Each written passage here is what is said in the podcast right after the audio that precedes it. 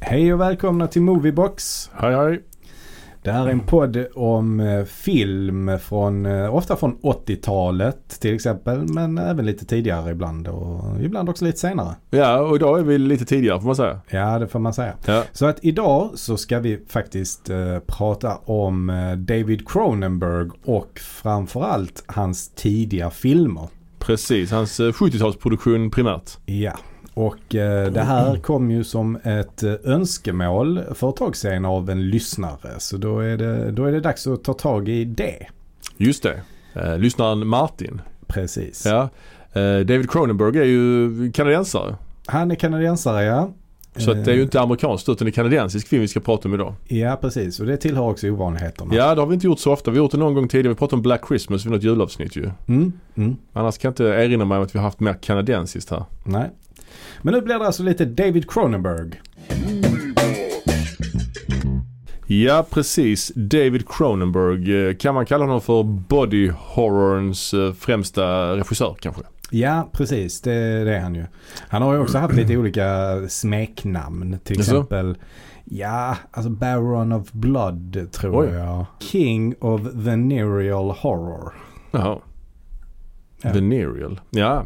ja men body horror om man ska förklara vad det betyder för de som inte vet så är det ju en genre inom, inom skräck då som utgår ifrån den mänskliga kroppen. Att, att liksom skräcken kommer inifrån kroppen rent eh, fysiskt. Alltså det, kan, det kan handla om någon mutation som förändrar kroppen. Det kan handla om någon, någon, något virus som förändrar kroppen och nå- liksom det blir svulster och bölder och, och nya kroppsöppningar och sånt. Ganska äckligt liksom. För, inte för den äckelmagade kan man säga. Mm, ja precis, ja, men det är mycket äckel som det handlar om. Ja. Och det är ju rätt så, eller jag har alltid tyckt att det är väldigt obehagligt för det är väldigt lätt att relatera till det. Ja men absolut, absolut. Alltså om man jämför med andra skräckgenrer som till exempel ehm, Gud- slashers. Ja, ja, Så är ju de rätt så overkliga ofta. ja. Och inte får inte tala om så här gotisk skräck i, i något dammigt slott i Transylvanien. Ja, Inte så relaterbart alltid. nej, nej. Men eh, body horror, visst har man någon gång ibland eh, stått i spegeln och kollat sig och tittat, har den var grejen varit där innan? Och så ja. börjar man tänka hemska saker. Eh, och det är, det, det är det han, de känslorna som Cronenberg spelar på kan vi ja, säga. men det är det. Ja. det, är det.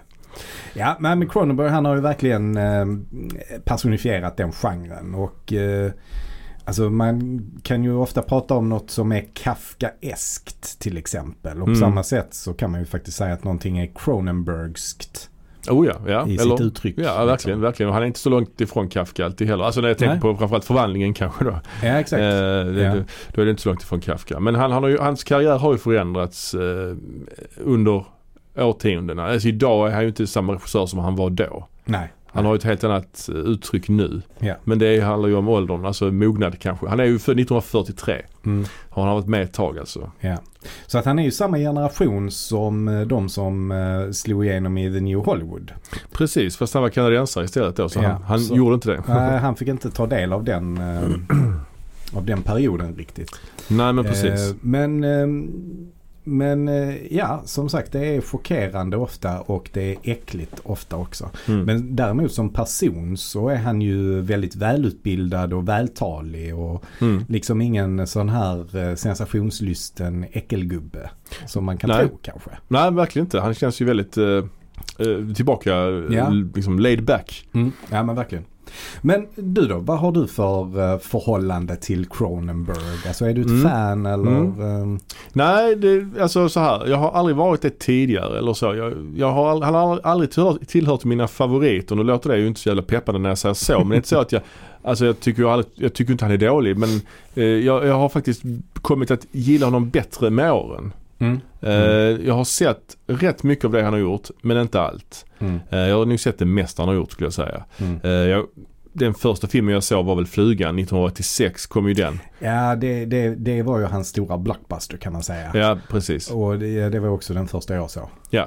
Och, och den, eh, den var ju sån som det snackades om på skolgårdarna. Ja, ja. Också en film Ja. vi kanske får återkomma till. Ja. Eh, Men de- den, eh, den gillar man ju. Den såg man mycket på VHS liksom. Mm. Men sen har jag, de här äldre filmerna har jag inte sett så mycket. Alltså jag har sett dem någon gång bara. Mm. Ehm, och eh, ja, han gjorde ju Scanners till exempel. Mm. Rätt så omtalad också. Mm. Den kommer vi inte prata om idag dock. Utan vi kommer få hålla oss till hans 70-talsfilmer. Eh, Mm. Men eh, Ja, nej jag vet inte. Jag, vet, jag tänker mest flugan och sen har jag ju sett mycket av det andra. Mm. Ja Ja. men det, det är väl samma här. Flugan var ju det första jag såg. Mm. Eh, men däremot så upptäckte jag ändå honom rätt så tidigt, eller i tonåren och eh, kollade på filmerna då och eh, jag gillar hans filmer väldigt mycket. Eh, Scanners eh, såg jag också eh, relativt eh, tidigt och, och gillade den för den ehm, jag, jag gillar den för att den liksom handlar lite grann om dels så är det lite så skräckelement liksom. Men sen så har den också lite sådär Stephen King element i och med att det är Mm. någon sån här eh, conspiracy. Eh, Ja, den, har ju rätt, den är ju rätt så lik eh, Eldfödd. Ja, precis. Ehm, och sen gjorde ju Cronenberg också, apropå Stephen King, så gjorde han ju The Dead Zone Mm. något år senare ju. Så Mm. att, som är Mm. väldigt lik. Ja, precis. Ehm, Precis. Ehm, en av de filmerna vi ska prata om idag är ju The Brood.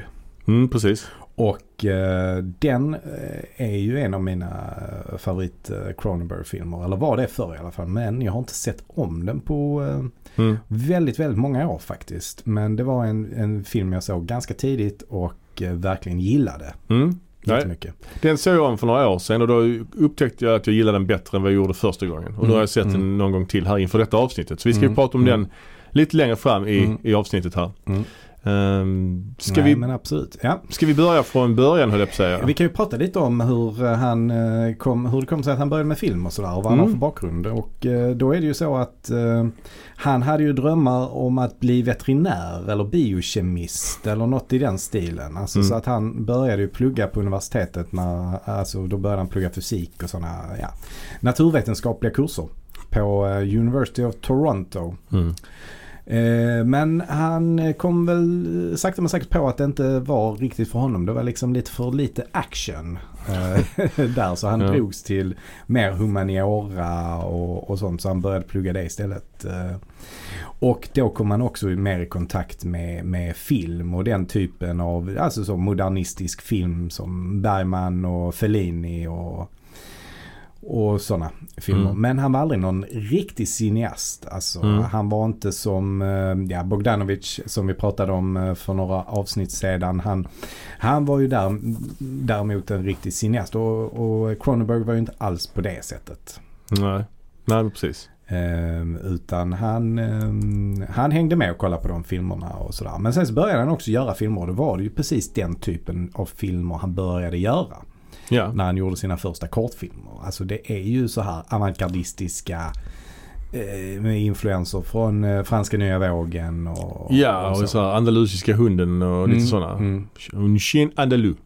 Ja, det är möjligt att det finns sådana referenser också i de tidiga Li- filmerna. Det Ja, är lite kanske- så. Ja, jag vet, inte. det var en film som han gillade i alla fall väldigt mycket. Ja, ja. Antagligen Ja. den här närbilden på ögat och de skär med rakblad är ju väldigt, Mm, mm. är ju äckel. Det är äckel. Det är äckel, det ja. är det verkligen. Ja, och han Eh. gjorde ett par kortfilmer där i, i, på 60-talet va? Precis, så att eh, den första filmen han gjorde det var ju eh, filmen Transfer från 1966. Mm. Eh, så att det är hans första kortfilm och eh, den eh, är sex minuter kort. Mhm. Och eh, det är i princip två män som står ute på ett fält och eh, snackar med varandra i hela filmen. Och eh, den ene är då, eh, vad heter det, terapeut till den andra. Alltså någon slags psykoterapeut Ja. eh, tror jag. Ett återkommande tema i hans filmer. Det är det ju, det är det ju. Terapi, Ja. psykolo- psykologer och så Ja vidare. precis och det finns ju ett slags, eh, vad ska man säga, eh, en misstro mot alltså den typen av auktoriteter. Alltså Mm. Mm. psykologer, läkare, vetenskapsmän finns det ju en misstro mot i hans filmer. Så att det är ju definitivt ett återkommande tema. Absolut. Eh, Man ser också faktiskt redan här i hans första kortfilm eh, lite spår av body horror också. Mhm. Jag har För- faktiskt inte sett den här första. Nej, nej, jag har sett den och eh, det är ändå ingen film jag rekommenderar faktiskt. Så att det Nej. gör inget att jag inte har sett den. Men filmen börjar med att eh, en av de här männen borstar tänderna med, med tandkräm och vad jag tror är läsk. Så det är ju lite, lite åt body horror-hållet kan man säga. Kanske det ja. Ja, en sak som jag, som jag eh, tänkte på faktiskt det är att alltså, han har all, jag har alltid kopplat ihop honom med David Lynch på något sätt. Mm. Och jag tror inte det bara är för båda heter David i förnamn utan eh, Nej. det kan ju också ha att göra med att de kom fram ungefär samtidigt. Ja. David kom- Lynch gjorde ju sin första långfilm eh, sent 70-tal. Jag vet inte Ja, exakt. vad den ja, heter. eh, Eraserhead ja. Men den innehåller Ja. rätt mycket äckel också ju. Ja, det gör den. Det gör det. den. Men sen så tog ju Lynch en helt annan eh, bana efter det. Och Ja, ja. gjorde mycket mer blockbusters, och, alltså Elefantmannen och, Ja, och Dune. Ja. Eh, och sen gjorde han inte så mycket skräckfilm. Nej, inte på det sättet. Men gjorde obehagliga filmer. men Eh, Han de- gjorde obehagliga filmer, men de Blue var inte- Velvet och ja. så. Ja. Men det som, är, det som är skillnaden är att han har ju alltid betraktats mycket mer som en konstnär. Oh tycker ja, jag, oh ja. Han är David ju, Lynch. ja, och han har ju haft eh, liksom större namn, större skådisar i sina Ja, filmer ja, liksom. ja. Det har ju, ja, Han är mycket mer uppburen. ja. Eh, Cronenberg eh, har ju inte riktigt fått den här genistämpeln. Nej, nej. Eh, utan betraktas mer som en genreregissör lite längre ner på, på skalan. Ja men verkligen, verkligen. Och eh, ja, det, det är ju inte konstigt egentligen kanske. Han är ju lite mer extrem och, Mm, och sen är han också mm. kanadensare. Det kanske också har med saken att göra. Att han inte är Ja, amerikan. men det har du, det har du ju Ja. definitivt. Ja, och sen så efter det så gjorde han eh, ytterligare en kortfilm som heter, fr- som heter From the Drain som kom 1967. ja. Den handlar å, återigen om två män. Mm. Första eh, liksom, bilden är två män som sitter i ett badkar. Mm. Så att redan där är det ju, och det, i båda de här filmerna är det inte jättemycket action. Det är inte jättemycket som händer liksom. Utan det är mest dialogdrivet. Men i den förra filmen är det rätt rolig, så här väldigt teatral dialog ändå. Ja. Eh, Men här är det rätt så, rätt så tråkigt ändå måste jag säga. Det är lite sådär, eh, känner du till Samuel Beckett? Mm. Han har ju skrivit den här pjäsen I väntan på Godot. Så det känns lite som att han har varit inspirerad av den när, Mm. han, när han gjorde den här filmen. Eh, Men i alla fall de sitter och pratar med varandra i badkar i 10 minuter, inget särskilt händer. Sen helt plötsligt så kommer det upp en tråd ur badkaret som stryper den ene mannen. Hmm. Och sen efter det kryper in i hans mun. Så Mm, att det finns mm. ju det här body horror elementet där också. Men Mm. eh, filmen handlar ju inte direkt om det utan det bara kommer i slutet.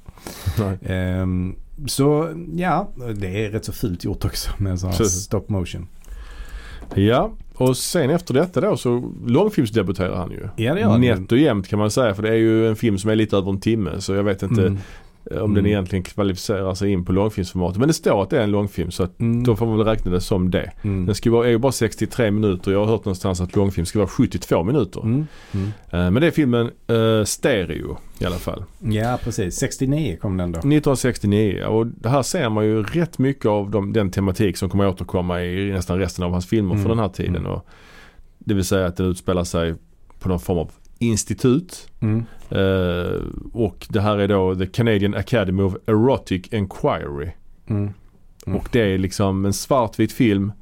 Eh, och det är också arkitekturen här. Mm. Mm. Så här 70-tals tråkarkitektur som är väldigt, väldigt snygg ändå liksom. Ja. Jag vet inte vad det är. Jag är ingen arkitektur... Vad kallas det för? Är det brutalism? Eh, ja, jag skulle inte säga att det är brutalism. brutalism är ju mycket mer eh, sådana här eh, miljonprojektsområden fast eh, om du tänker i eh, Ryssland. Ja, exakt, eller exakt. Så. Det här är ju lite mer... eh, Det här är ändå eh, det här har ändå lite finess eh, Ja, tycker ja. jag. Så modernistisk eh, stil skulle Ja. jag kalla det för. jag är heller ingen arkitekt men, nej, nej. men eh, Men det, det, det är vackert ändå. Det är mycket raka linjer. ja. ja. Mycket tegel också. och Mycket, Och mycket betong och cement och, och grått liksom. Den här filmen är dessutom svartvit så att det, det är, färger finns här inga direkt. Nej, Och Nej, det, det är precis. voiceover som berättar om olika experiment som de gör på det här institutet då. Och det är mycket med telepati och ja. Mycket så här eh, topless kvinnor och nakna män och alltså ja, ja. Det är ju väldigt snyggt foto, snygga, snygga eh, bildkompositioner det är det ju. ja, det är det. Men man ser ju ändå här att han behärskar ju inte riktigt filmkonsten. För att det är väldigt statisk kamera hela tiden. Så, Mm. att, så att utsnitten är ju snygga Mm. som stillbilder kan man säga. Ja, ja. Men det finns ju inte mycket kamerarörelser eller någonting, eh, någonting annat. Nej. Ehm, Så att han är ju rätt så outvecklad ändå. ja men, verkligen. jag, men jag håller med att det, är- det, är- det finns en del snygga bilder här och där. Liksom. Det känns som en informationsfilm helt enkelt. Verkligen. Ja. Ja, verkligen. Och det är ju verkligen som sagt ett, ett, ett ganska inom citationstecken fu- fult sätt att berätta på voiceover hela filmen. mm. Mm. Men det är väl- var väl enklare, slapp han ha ljudutrustning på inspelningen så kunde han Ja. lägga på allt ljud i efterhand. Det Antar är jag. också faktiskt lite så expressionistiska influenser. Med Mm. mycket skarpa kontraster och Mm, eh, mm. mycket skuggor. Ehm, Ja, den är rätt, det är en sån film som man kan ha på i bakgrunden på fest utan ljud. Bara låta den rulla som en Ja. installation liksom. ja, ja. Men ja, eh, den är ju väldigt seg. ja, den är Den säker. är ju inte något... Den är säker. den Jag är- hänger inte riktigt med vad den handlar om heller. Nej, nej det, det, det, den, han gör inte lätt för en här. Att, Nej, det gör den Ta inte. in. Men, men det som är intressant är ju att man känner igen temana. Ja. Liksom. Det är filosofiska och sociologiska teman. Mm. Eh, och i en, någon slags så här kvasivetenskaplig kontext. Liksom. Och, eh, den här torra akademiska berättarrösten. Alltså det, det är ju ett akademiskt språk eh, som, eh, ja, som, eh, som man verkligen känner igen i senare filmer. Ja, verkligen. Och den här eh, estetiken som han har an- anammat, den här for- formen i, Mm. från den här filmen, Stereo, återkom ju i hans nästa film ju. Crimes Mm. of the Future. Ja. Som kom 1970. Som är samma typ av film. eh, Fast det utspelar sig på någon slags hudklinik istället. Mm. Eh, Och eh, Det är också något vi känner igen ju från senare filmer. ja, Med hudklinik. Ja, eller typ. ja men precis. Den här filmen är dock i färg Ja, och inte alls lika snyggt fotad. nej. Vilket Ja. gör att den blir ännu, ännu, ännu mer olidlig att titta på. höll jag på att Men säga. han ska faktiskt göra en remake på denna. Ja men jag tror inte det är en remake. Jag tror Det det, är bara, inte det. Jag tror det bara är en Ah. film som ska ha samma titel. Ah, okej. som är, den är ja. Mm. in production nu. Den ska komma i, nu 2022. Ja, det känns i och för sig logiskt. För det känns konstigt att göra en remake på den filmen. Verkligen. Det är någon, återigen någon slags sjukdom också. Å, återkommande. Någon slags farsot som har eh, dödat alla, eh, alltså, nästan alla kvinnor, alla sexuellt eh, mogna kvinnor. Mm. Som gör då att eh, ja, det är väl svårt f- för mänskligheten att fortplanta sig då helt enkelt. Mm. Så eh, ja, den här huvudpersonen då ska försöka ah, han eh, försöker eh, ändra, liksom anpassa sig till den här nya världen och träffa olika människor. Ja, den, den är inte, det är, återigen rätt svår att hänga med i. Ännu segare Mm. skulle jag säga än förra faktiskt. Mm. Så det här, det här är inget jag rekommenderar heller egentligen. Den här är också 63 minuter lång. Ja. Så att, eh, Den har ju en del snygg scenografi ändå kan jag tycka. Alltså, Ja, just med ja. färgerna. Han, eh, han jobbar en del med, med eh, starka färger i denna. Eh, Ja. De är till exempel i något rum vid något tillfälle där det är liksom en, en gul, en blå och en grön eh, mm. vägg eller om det är lampor som lyser upp det. Alltså det ser ganska läckert ut. tycker Absolut. Jag. Ehm, Men i alla fall så eh, efter de här filmerna då Ja, så eh, tog han ett litet break från eh, filmskapandet. ja precis. Och eh, han eh, var ute och reste bland Mm. annat. Och eh, då gjorde han ett, eh, fortsatte ändå göra ehm, ett tiotal dokumentärer som han gjorde till kanadensisk tv. Mm. Eller sådana här fillers som det heter, liksom korta inslag. Eh, som han gjorde då i eh, Frankrike, tror jag. Ja. Eh, men han har bland annat bott i Köpenhamn också under en period Ja, ja. eh, Hmm. efter detta. Eh, men eh, han i alla fall så eh, ef- efter att han har gjort det här så ville han göra, ge, en, eh, ge en eh, ny chans till det här med att göra film. Och Ja. eh, återvände till Kanada. Eh, Men på den här tiden så eh, ja, filmbranschen var ju inte existerande riktigt i Kanada. Nej, Eh, Det var precis. också lite så svårt för att det var ju den engelsktalande delen av Kanada var bara intresserad av amerikansk kultur både vad Mm. gäller musik och film. Ja. Och den franskspråkiga de gjorde bara sina egna grejer liksom. Eh, ja, och precis. Och, och i den här franskspråkiga delen så rådde det lite så strömningar också om självständighet. mm. Que- I Mm. Quebec där. Man Mhm. kallar prata om the quiet revolution. Mhm. Eh, att det fanns lite sådana strömningar liksom. Men eh, ja. Ja. Ja, Eh, Men i alla fall så eh, fick han kontakt då med ett eh, produktionsbolag som heter Cinepix. Ja, Eh, och det kan man väl kanske beskriva som ett kanadensiskt svar på Roger Corman. ja men lite så. Lite så, absolut. De var kanske lite mer, de hade nog sin grund tror jag i eh, porrfilmer eller eh, Ja. erotik tror jag. Mm, precis. De gjorde eh, en, en- något drama som hette någon, sån- alltså någon ha- semiporrfilm som hette Valer- Valerie. Mm. Som blev en succé. Mm. Ja precis, ja, men det var så här semiporrfilm. Ja. Det var liksom mjukporr kanske man kan kalla det för. också. Ja men precis. Eh, men de ville ju göra andra typer av filmer också. Ja Och, och, då, utvecklas. ja, och då bland annat knöt de till sig då Cronenberg. Men också Mm. till exempel Ivan Reitman. Ja. Så, Ja. Som gick bort nyligen faktiskt. Men Ja. som har varit med och gjort eh, filmer med Cronenberg. ju. Mm. Mm. Ja precis. Ivan Reitman som sen gjorde Ghostbusters ska vi kanske lägga till. Ja, precis. Ja. Eh, nej, men han hade ju också jobbat där ett tag då, liksom som filmarbetare och eh, Mm. line producer och så. Eh, så att han, han hade ju rätt så mycket erfarenhet av att göra film. För när Cronenberg kom tillbaka så hade han egentligen inte så mycket erfarenhet. Liksom. Han hade gjort de här Ja. korta dokumentärerna och så hade han gjort sina kortfilmer. Men, Mm. men han eh, hade ändå ingen riktig erfarenhet av att regissera en lite större produktion. Nej. Vi ska väl säga också att det här Cinepix har väl sen evolverat och blivit det där Lionsgate har jag fattat det som. Aha, det har jag ingen Eh, aning om. Nej, jag tror det. Ja. Ja, så att eh, det är ju, Spännande. Ja. Och Lionsgate, vad var nu det då? ja, det är ju ett produktionsbolag som Ja. är aktivt än som idag. Liksom. fortfarande är aktivt? Ja, Oh ja, oh ja. Mm. Ja, nej, för att de som... Bland annat Hunger Games har de gjort nu. Ja, Alltså- alltså- okej. Ja. Så det är Ja. stort.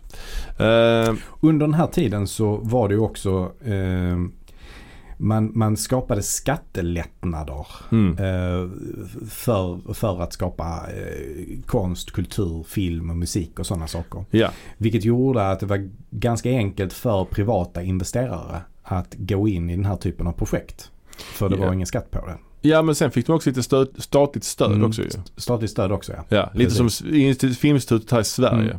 Och då, s- med hjälp av detta statliga stöd, så gjorde han ju då filmen Shivers från Mm. 1975.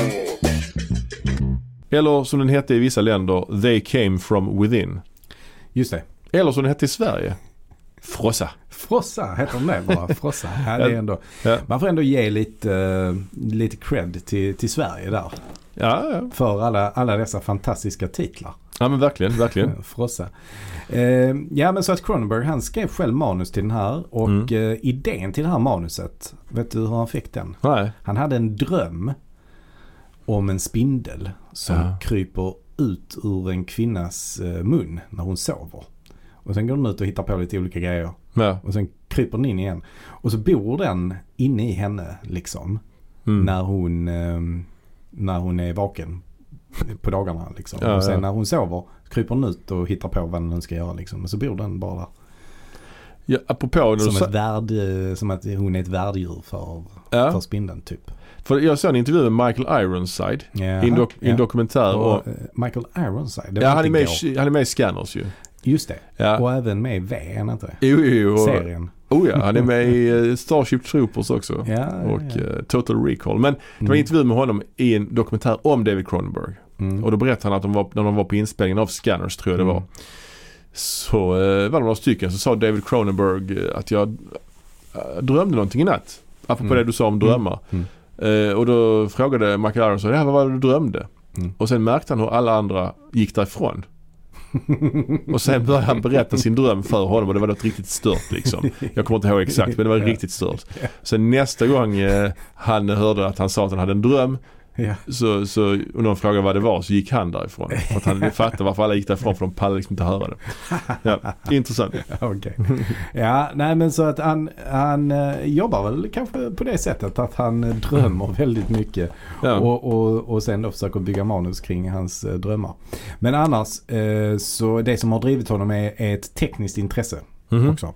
Ja. Så att han har haft ett tekniskt intresse för film och liksom har Mm. verkligen velat lära sig hur en kamera fungerar och så. Och det, det kanske man kan fatta att han inte i början var så, vad ska man säga, konstnärligt eh, utvecklad. Men, men däremot Mm. så hade han koll på, på olika eh, gluggar och, Mm. och, och, och så liksom. Mm, mm. Och hade liksom pluggat in vad, vad det blir för effekt om man har olika brännvidder och, Ja, ja. och sådana grejer. Så att han kunde kameran jättebra. Och eh, det här tekniska intresset det är ju- har han ju även eh, i hans intresse för bilar till exempel och motorer och sånt. Just det, så vi kommer återkomma till sen. Det kommer vi också återkomma till ja. Ja. Precis. Men han har bland annat sagt då att ehm, The essence of creating is control and shaping. And you can't get control if you don't know how things work. Hmm. till exempel. Ja, ja. Så just det här med att förstå bakomliggande teknik har varit viktigt. Men tillbaka nu till Shivers, Ja. eller Frossa som den också Ja, hette. det blev en väldigt omtalad film ju. Den, den diskuterades ju i liksom det kanadensiska parlamentet att man hade gett pengar till den här filmen. Aha, För att den var så Okej. pass kontroversiell. ja. Eh, Och eh, någonstans kan man väl kanske förstå att den var det på den tiden. För den är ju rätt så, alltså den är ju lite äcklig om man säger så. Om man är ovan vid Mm. att se Ja, men skräckfilm absolut. och så, så är den ju ändå rätt så, ja, inte för den äckelmagade helt enkelt. Eh, Den handlar ju om, eller vi vi kan ju berätta att ja, det är ju inte så mycket kända skådisar med. Det är ju en känd skådis med i filmen. Mm. Eller, och hon är väl lite mer ett, kanske ett finsmakarnamn och då är det Barbara Steele då som Mm. som slog Mm. igenom redan Mm. sent 50-tal tror jag. Men hon är ju framförallt känd för att hon är med i Mario Bavas Black Sunday som kom tidigt 60-tal. Hon är, hon är liksom något av en skräckikon, lite så kultförklarad. Och hon gör ju en liten roll i den här filmen. Och det, Mm. det gjorde ju att en hel del kanske ville vara med och göra filmen för att han Mm. hade knutit henne till, till Mm. sig liksom. Ehm, och eh, ja, den utspelar sig ju, den, eh, kortfattat handlingen då är ju att den utspelar sig i något eh, bostadshus, höghus. Mm. Starliner Towers. Ja, heter det. precis. Eller Starkviner Island har jag skrivit upp här. Mhm. Men det är ju det här Damn Autocorrect som har varit i farten. Starkviner. Starkviner Island. Ja, okej. Men det var ja. alltså Starliner Ta- Island. ja, och Towers heter väl husen ja, då. Huset är Tower. ja, Filmen precis. inleds ju med lite sån informationsfilm som också påminner lite grann då Ja. om, om Stereo och Mm. Crimes of the Future. Med stillbilder, sådana diabilder. Ja, precis. Som Och, eh, murriga. På tal om skådespelare så är det ju faktiskt en skådespelare som har varit med i, eh, jag tror alla de tidigare filmerna han Ja, har det gjort. stämmer, ja. Eh, Just det. Han har bara pytteliten roll här i, i eh, Shivers. Han Ja, just spelar då. För det är då, filmen inleds ju med ett par som, som kommer till Starliner. Mm. Och ehm, de eh, ska köpa en lägenhet i huset. Och då träffar de en mäklare eller en säljare där. Liksom. Ja. Och det är han, han är med i eh, alla de tidigare filmerna också. ja, och man får ju se som sagt en informationsfilm med diabilder och det är ju så här murrigt 70-tals eh, Ja. hus liksom. Ja, ja. Mm. Brunt tegel typ så. Men det är ändå snyggt på något sätt. Jag det gillar är, det. jag tycker det är skitsnyggt Ja. faktiskt. Alltså bilderna så i sig, de är, de är snygga faktiskt. Ja, och så är det så de framhäver modernt kök och moderna ytor. Ja. Så är det så här 70-talsmurr och orange, orangea färger och Ja, sånt. Ja, ja, ja. Eh, Men eh, ja precis, sen är det ju en scen i början där det är någon gubbe som attackerar inut- inuti en av de här lägenheterna. Mm. Attackerar en ung flicka, en sån här tjej i skoluniform och typ Mm. skär av halsen på henne väl. Och, d- alltså, Ja, det och gör sen han. tar sitt Mm. eget liv också.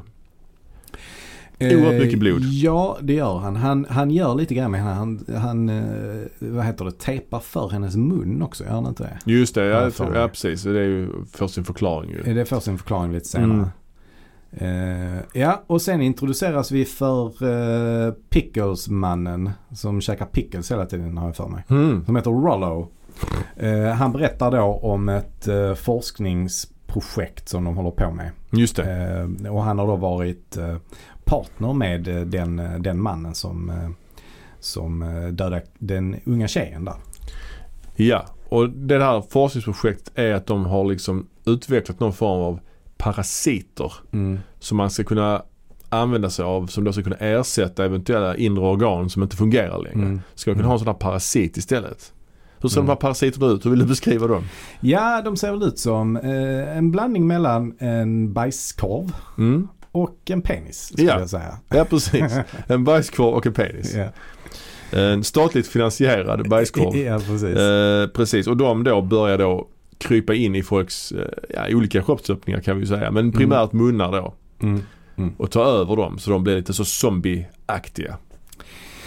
Ja, men inte vilka slags zombies som helst. Utan väldigt så här kärlekstörstande zombies. Exakt, ja. Exakt, ja. Eh, väldigt eh, erotiska zombies. Eh, Erotiska zombies ja. Ja, de kanske inte är så himla erotiska men, men där är det lite intressant också. Männen som blir, eh, får den här smittan Mm. de, de blir ju lite så eh, våldtäktiga liksom och ger Mm. sig på eh, överfallsvåldtäktsmän. ja. Medan kvinnorna de vill också ha kärlek men de har en annan strategi. De är mycket mer så tjatiga liksom. ja. Kom igen nu, följ med in här nu så ska vi eh, Mm. gulla lite och sånt. Vad vill han säga med det Cronenberg egentligen kan man undra. Ja, vad, ja, det vet jag inte. Har du någon eh, Nej, tanke- ja, nej tanke det kring vet jag inte. Det är väl hans föreställningar Om, Ja, ja, alltså det här med, med, med, med sex och så liksom. Det Mm. är ju ett centralt tema i många av hans filmer. Onekligen. Inte alla kanske, men, men väldigt många. Och eh, alltså vad är erotiskt liksom? eh, Mm. Är, är ju en sån, eh, är Mm. ju en sån fråga som man ofta jobbar med. Jag är Eh. kanske inte jätteglad i den här zombie-aspekten kanske i den här filmen. Mm, Nej, nej. Alltså vi ska säga det att de är ju inte som den, s- de, Nej. den typen av zombies som vi känner zombies. Men det här är ju också, ja den, den här eh, Night of the Living Dead har ju kommit eh, vid det här laget. Mm. Men, men zombiefilmer är ju ingen stor genre så som det är idag. Nej, nej, nej. nej, nej, nej. Eller som det blev senare på 80-90-talet. Alltså det gjordes ganska Ja. mycket ändå. nej, det här är ju ingen zombiefilm så. Men grejen med den här filmen är ju de här parasiterna som, som Mm. kryper omkring. och De kryper in i munnen på folk och man ser dem liksom bukt, magen på folk buktar ut eller halsen. Mm. Man ser det liksom pulserar för de är i kroppen och Mm. eh, kryper omkring ju. Det är ju en sekvens när Barbara Steele ska bada och den kryper in i hennes eh, underliv ju. Ja, Ja, ja. Det är ju inte så att man får säga det explicit men, men det, det är ju så. Ja men där är det ju någon, där sker det ju någon form av penetration som man inte får se. Men, Nej, nej. men den, den kryper ju definitivt in där liksom. Ja, ja. Och tar sig in på det sättet. Just det. Eh, där, är- där är, på tal om det här med, med, med, med sex och så liksom så är det ju faktiskt en scen där de benämner det. Där är ju en huvudperson, en kvinna och en, Mm. eh, en, en huvudperson som är en man också. Då. Mm. Alltså de två huvudkaraktärerna. Eh, och till slut så blir ju då den här sjuksköterskan, eh, hon blir också smittad. Mm. Och, eh, och då, då säger hon eh, Everything is erotic, everything is sexual. Even old flesh is erotic flesh. Even dying is an act of eroticism. Talking is sexual, breathing is sexual. To physically exist is sexual. Hmm. Ehm, så att det är, ju, det är ju det som tar över de här människorna som blir smittade. Liksom, Mm. Att de blir bara helt besatta Ja, av sex. och i slutet så är, det ju, är de i någon slags swimmingpool och alla hoppar i där och... Mm, mm. Eh. Och det, där blir det ju någon slags eh, Orgie nästan. orgie. Ja, kan man kan säga. man säga. Absolut. Ja. Ehm, ja. Vad- Så det var väl ungefär det som eh, filmen handlar om Ja. kan man säga. Vad tycker du om denna filmen då? Jag gillar den starkt faktiskt. Eh, Ja. Det gör jag. Eh, Jag tycker ju att det märks ju att den inte har haft så hög budget. Ja, ja. Alltså Eh, den kan är, ju man inte, säga. den är inte supervälgjord. Det är den Nej, inte. den är inte De här välgjord. parasiterna är väl i och för sig, de är ju rätt äckliga. De gör ju jobbet. Man, Jag, jag tycker de är helt okej. Ja, absolut, Alltså, jag tycker absolut. Att det är mycket specialeffekter i den här Mm. filmen. Och jag tycker de är helt okej gjorda. mm, Vet du vad den hade i budget? nej, Den hade en halv miljon dollar i budget. okej. Ehm, och den spelade in fem, mellan 5 till 6 miljoner. Så att den, man räknar med att den gjorde ändå 5 miljoner eh, dollar Mm. i vinst. Ja.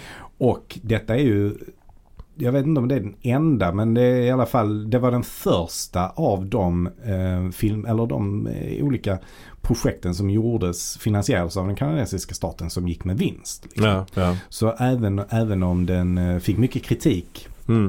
så gick den ju trots allt med vinst. Ja, ja. Eh, ja. Mm. Och det kan man ju inte komma ifrån. Alltså, eh, men sen är, det kanske, en- sen är det kanske frågan om det är rätt av den kanadensiska staten och, och, och sponsra det. Nu med facit i hand när Cronenberg Mm. ändå har blivit en viktig eh, regissör. ja, det får man ju säga. Så, så får man ju säga att de gjorde rätt liksom. Mm. Men, eh, men jag kan ändå förstå då hur det var liksom. Att det inte var helt lätt att försvara det. Nej, precis. Men eh, nej, jag, jag gillar också filmen. Jag Mm. ser det, den är ju ändå rätt så här primitiv. Jag ser, Ja. Man ser ju att det är liksom en, ett tidigt verk. Mm. Och att den är Mm. liksom inte, som sagt den är inte jättebra fotad. Det är inte jättebra skådespeleri. Men det är en intressant story. Jag gillar den här 70-tals murriga miljön. Jag gillar det liksom. Den, Ja. Jag gillar strukturen att de är i det här huset. Finns ju vissa likheter med senare filmer. Jag tänker på till exempel den andra Demons-filmen till exempel. Ja, ja precis. Det När de- tänkte, det tänkte jag också på. Ja, när de är i, i det Ja, här ja. hyreshuset. Det, den är ju definitivt eh, inspirerad av Mm. eh, Shivers. Ja. Det, eh, det, det måste den vara liksom. Mm. Ehm, jag tycker också att idén är, eh, är klockren. Att de Mm. är isolerade på den här ön. Men det, den här ön är som ett eget samhälle. Ja, ja. Eh, det, är, det är skitintressant. ja Sen tycker jag att manuset har rätt mycket problem. jag... Eh. Ehm, ja, men alltså, vi introduceras ju för två karaktärer precis i början. eh, som ska köpa den här lägenheten. Mm. Ja. Och då är det en del dialog där med, med, med dem och den Mm. här säljaren och sånt. Och han förklarar lite om huset och sådana grejer. Ja. Och det är också en sån säkerhetsvakt där. Som visar en sån pistol. Ja, ja, ja. Mm, just det. Eh, och det är möjligt att den pistolen eh, dyker upp senare. Det minns jag inte riktigt faktiskt. Men, Nej. men alltså det känns bara som att det, där, det händer ingenting mer med den här första scenen vi introduceras för. för Ja, de återkommer inte va? de återkommer Nej. inte. eh, Liksom, vilket ju känns som ett eh, eh, nybörjarmisstag ju, skulle jag säga. Ja. ja, men verkligen. Eh, men sen så tycker jag att det är fantastiska karaktärer i den här filmen. Mm. Alltså, eh, sjuksköterskan då till exempel eh, tycker jag är bra. Mm. Ja, verkligen.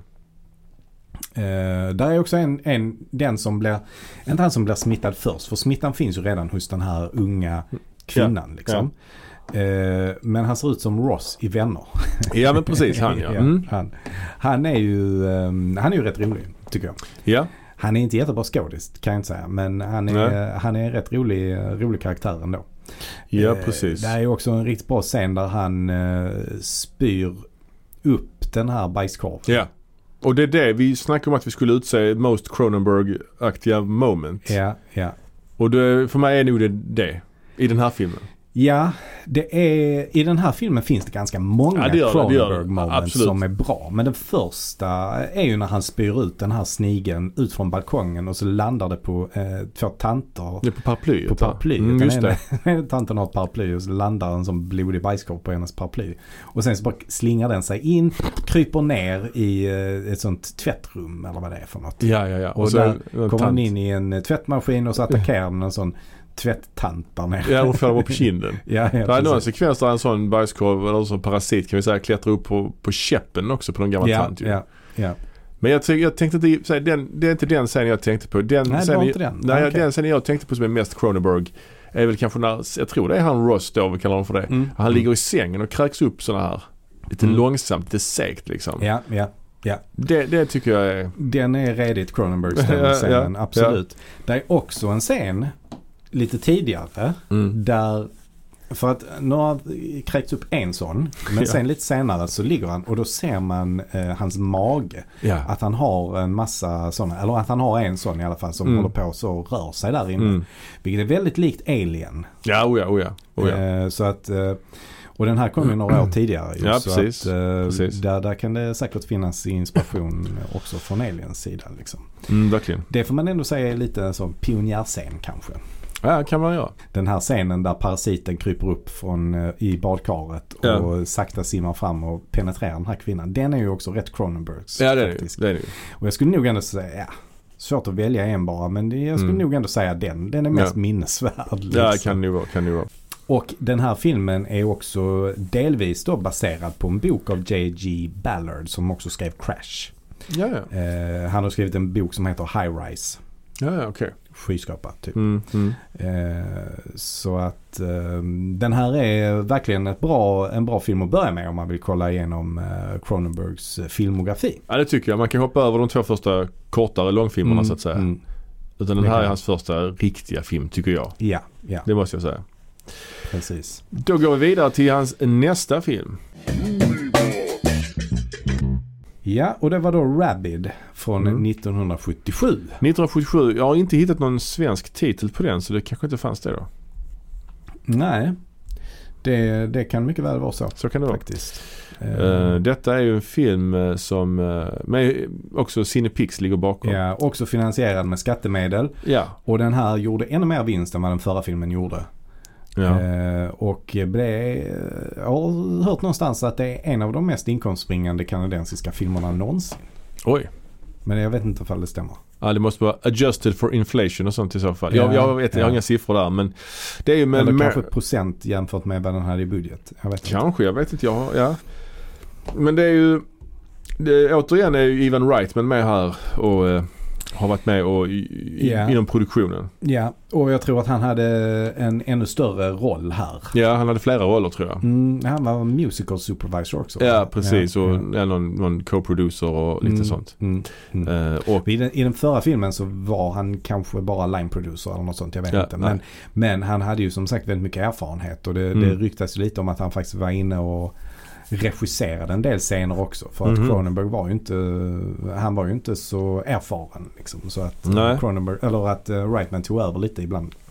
Har jag hört. Ja, och detta är en film som jag faktiskt inte hade sett innan. Eh, Nej. så att jag såg den för första gången nu. Jag hade faktiskt en, en bra utgåva med den 101 Black Label ju. Så det var Ja, gedigen, gedigen. Mm. Och huvudrollen spelades ju av Marilyn Chambers som var ju Mm. någon slags porrstjärna. Ja. Så de- Kommer du ihåg att jag hade denna på, var det på VHS? eller? Ja, gammal, Ja. gammal VHS. Jag kommer ihåg det. Den House of Horror-utgåva Ja, kanske. Jag tror det. Ja. Och eh, där, där stod det ju n- något. Vad stod där? Det stod att hon var den vackraste sexdrottningen. Och hon har fått rabid. Ja, det var inte helt klockrent svenska eller engelska Nej, på den. nej. Men Den, den här... vackraste sexdrottningen Ja. alltså. Ja, Marilyn Chambers. Och hon var ju alltså, eh, ja gjorde, jag skulle inte ens kalla det för mjukporr tror jag. Utan det är väl till och med riktig porrfilm. Eller? Ja, ja. Hårdporr då. ja, typ så. Eh, Behind the Green Door var någon film han hade gjort i alla fall. Ja, Tydligen. ja, alltså vid den här perioden så var det ju den, alltså det gick ju, de tjänade ju rätt mycket pengar de filmerna. Det var Ja. ju långt ner i halsen till exempel och, och så var det denna då. Ja. Behind the green door. Och, eh, men ja, så den här filmen utspelar sig lite grann i samma miljöer som förra filmen. Eh, Det är och för- fina miljöer. Ja, ja, ja. Kanada i höstskrud. Precis. Men det är också en klinik. En deppig klinik. En deppig klinik. Som ja. vanligt. Och det handlar ju då om den här tjejen då som spelas av Marilyn Chambers, som heter Rose. Och hon, är med i en, hon och hennes pojkvän är med i någon slags motorcykelolycka. till- Ja, precis. Inleds med det ju. Ja. Eh, Så här har vi ju återigen det här återkommande temat med eh, Motorer. mo- motorfordon Ja. och eh, även krascher. Ja, exakt, exakt. Och den här filmen, eller i den här filmen då så, så hamnar de på en klinik, ett institut Mm. eller vad fan man ska kalla det för. Och ehm, Precis, så att hon blir illa skadad i den här motorcykelolyckan. det här, jag ska bara säga att det heter K- Kelloid Clinic for Plastic Surgery heter den här kliniken. Just det, just det. Ja, Så de men ham- det är också en grej som är Mm. speciellt för tidigt i Cronenbergs karriär. Ja. Så har han väldigt roliga namn på sina karaktärer. ja, och på kliniker. Ja, på klin- men jag tror kliniken heter det efter en huvudperson. är det Ja, inte ja, så? ja, ja, men Det precis. finns en person som heter Kelloyd. Ja. Ehm, och ehm, ja, nej, men som till exempel i den förfilmen var det en, en som hette Rollo. ja, jag tror det är någon som heter Tripod Ja, i, i någon av de tidigare, ja, de här korta filmerna. så exakt. att, Ja, men absolut, så är det. roliga namn. Ehm, men, men ja, hon eh, hamnar då i, i och, f- på den här kliniken och får då genomgå någon form av operation. Någon, Mm. någon experimentell plastikkirurgi. Mm. Mm. Och eh, Men det här Ja. handlar väl- det är väl också lite temati samma tematik som i, ehm, i eh, Shivers. Mm. Alltså att ehm, den här, alltså att det handlar om, om någon form av stamcellsforskning här. ja, ja. Att om de ehm, skär bort en bit av hennes hud då. Mm, Och så kan de då på något sätt göra så att den eh, förökar sig på något sätt och de kan använda den huden till att liksom reparera henne så att säga. ja. Men det här resulterar ju i att hon får någon form av kroppsöppning i armhålan. Just det. Ja. Som har vissa likheter med det kvinnliga könet. Ja, det kan var- jag säga så? Ja, så kan du säga. Kan man säga. Ja, man kan säga så. Och detta, an- hon använder ju sen den här eh, för att eh, sprida någon form av sjukdom. Ja, Det är nästan som en vampyr egentligen. ja precis. Det är ju snarare det. Ja, Alltså att hon behöver, när hon sen vaknar upp efter någon månad och sånt, då har hon ju legat koma i en månad. ja. När hon då sen vaknar upp igen så, så har hon ju eh, fått en törst efter blod. ja. Och till en början så kan hon ju liksom inte kontrollera sina eh, impulser. Nej. Utan när, när det då kommer någon som vill krama henne så, och kommer i närheten av hennes armhåla. Mm. Så eh, kommer det ju fram, eh, ja man får inte se vad som händer i början. Liksom, nej, utan, nej, nej. Utan det, och det är rätt så skickligt eh, berättat ändå. Man får bara Mm. se en massa blod liksom. Och man ser inte Ja. riktigt vad det är som händer. Men, Väldigt, väldigt bra eh, filmblod också i, Ja, i, de här, ja. i den här filmen. ja men det är det. Eh, kommer sen också men eh, ja. Det är det, det är det absolut. Ehm, så att vi får i alla fall inte se så mycket som händer där i början. Men, men, men hon förstår vad det handlar om. Hon förstår till slut, eller Mm. ganska snart, att hon måste ha blod för att blodbrist. Eh, Ja. Hon kan inte äta vanlig mat utan hon behöver blod för att eh, käka liksom. Mm, mm. Och, och eh, då försöker hon, eh, för hon tar sig ut ur det här behandlingshemmet där, där hon eh, har varit och Ja. eh, går in, i- ja, går någonstans på landsvägen där och då kommer hon in i en lada där det ligger en ko och Ja. då provar hon på den. Men det går inte alls liksom utan hon behöver människoblod för att Ja. klara sig. Just det. Eh, Så det, är ju lite, det finns ju lite likheter där med vampyrerna liksom. Mm, verkligen, verkligen. Men sen beger hon sig ju ut i, i civilisationen ju. Mm, Till slut. Hon är, hon är bland annat på en porrbiograf.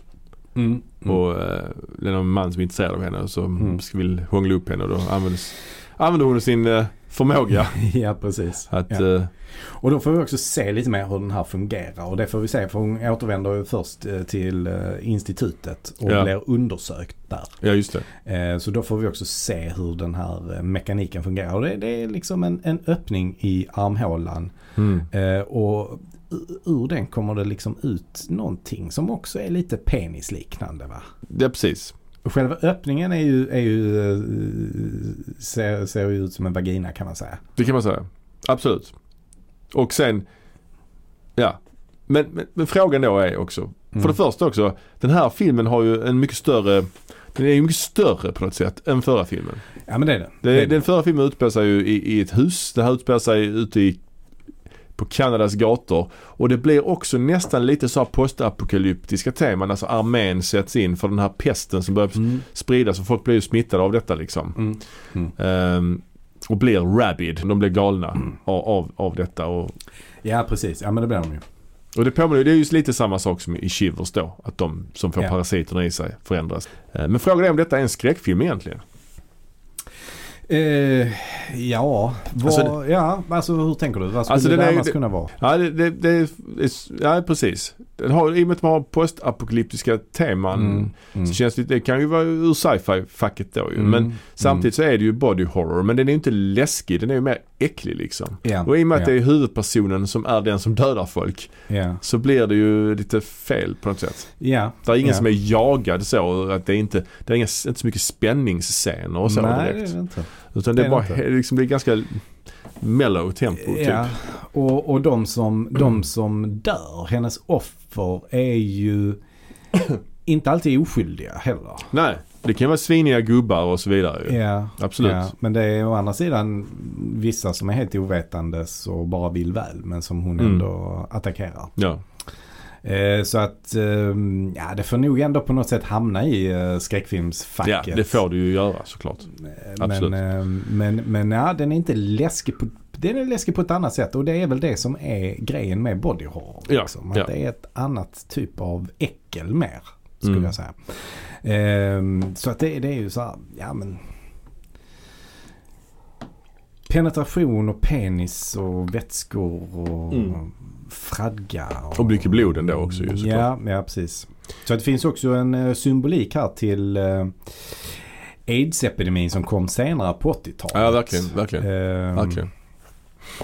Så Ja. det får man ju säga att han var, kunde ju se in i framtiden där. Ja. Eftersom detta kom innan den.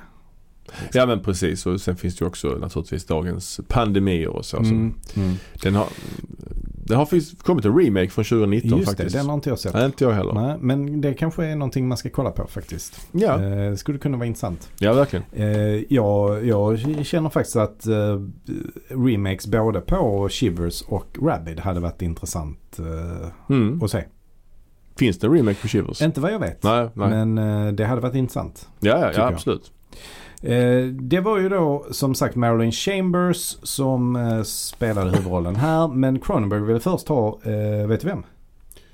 Ja, Cissi Spacek ja, va? Cissi Spacek ville han ha för han hade sett Badlands. Ja, Så detta var ju innan Carrie. Så det var innan hon hade slått igenom riktigt. ja, ja, ja. Eh, men han hade sett Badlands, den här Terrence, Terrence Malick-filmen. Ja, Eh, som ju för övrigt är ett riktigt eh, mästerverk. Ja. Skulle jag säga. ja det är nog. Jag har, jo, men det är säkert. Jag har inte sett den på jättelänge. jag Men, såg eh, den för inte alls länge sedan Ja. och den eh, är bra alltså. Den Ja, ja. är väldigt underlig och speciell. Men väldigt snygg och Ja, ja. mm, ja, intressant också. Eh, och spännande. Mm. Men han ville ha henne i alla fall. Men producenterna var det faktiskt. Och, och då är det ju eh, Wrightman då. Ja, ja.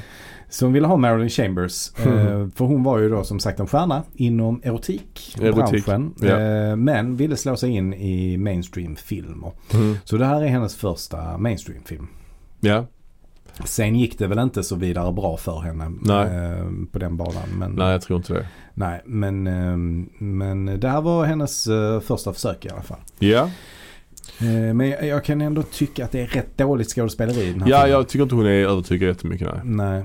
Hon är nog inte kanske sämst. Men, Nej, hon, eller hon, har inte hon sådär har- jättemycket repliker heller. Nej, nej, men hon har mycket sådana scener där hon eh, ska se plågad ut och där hon skriker och sådana Mm, grejer. Och mm. det, ja, jag vet inte. Det, det, det spelar nog in en del att hon, eh, att hon är naken mycket. Alltså att, hon, att det var därför hon fick rollen. Kanske. Säkerligen, För det är ganska säkerligen. mycket naket ju. Jo. Eh, det är ibland, eh, och, och replikerna är inte heller jättebra skrivna skulle jag säga. Nej, nej, nej. Alltså det är ju ofta så säger de direkt vad de känner. Mm, just det. Alltså såhär, I'm scared Ja, det är inte när bra. de är rädda. Nej det är inte jätte Nej, det är inte bra acting. spännande, liksom. Nej, jag, Nej, ty- Eller om man ska klaga på manuset, jag vet inte. jag har inte sett den här innan som jag sa. Jag blev Nej. ändå rätt så besviken på den faktiskt. Ja det blir det. Eh, Mm. Eller, eh, ja, jag vet Mm. inte. Jo, men jag tyckte inte den var så bra alltså. Nej. Jag tyckte inte, jag såg ingen utveckling direkt från förra. Nej. Jag tycker Shivers är bättre. Ja, ja. Och, ehm, ja, men Ja, det, faktiskt. det, det tycker jag definitivt också. mm. Det tycker jag.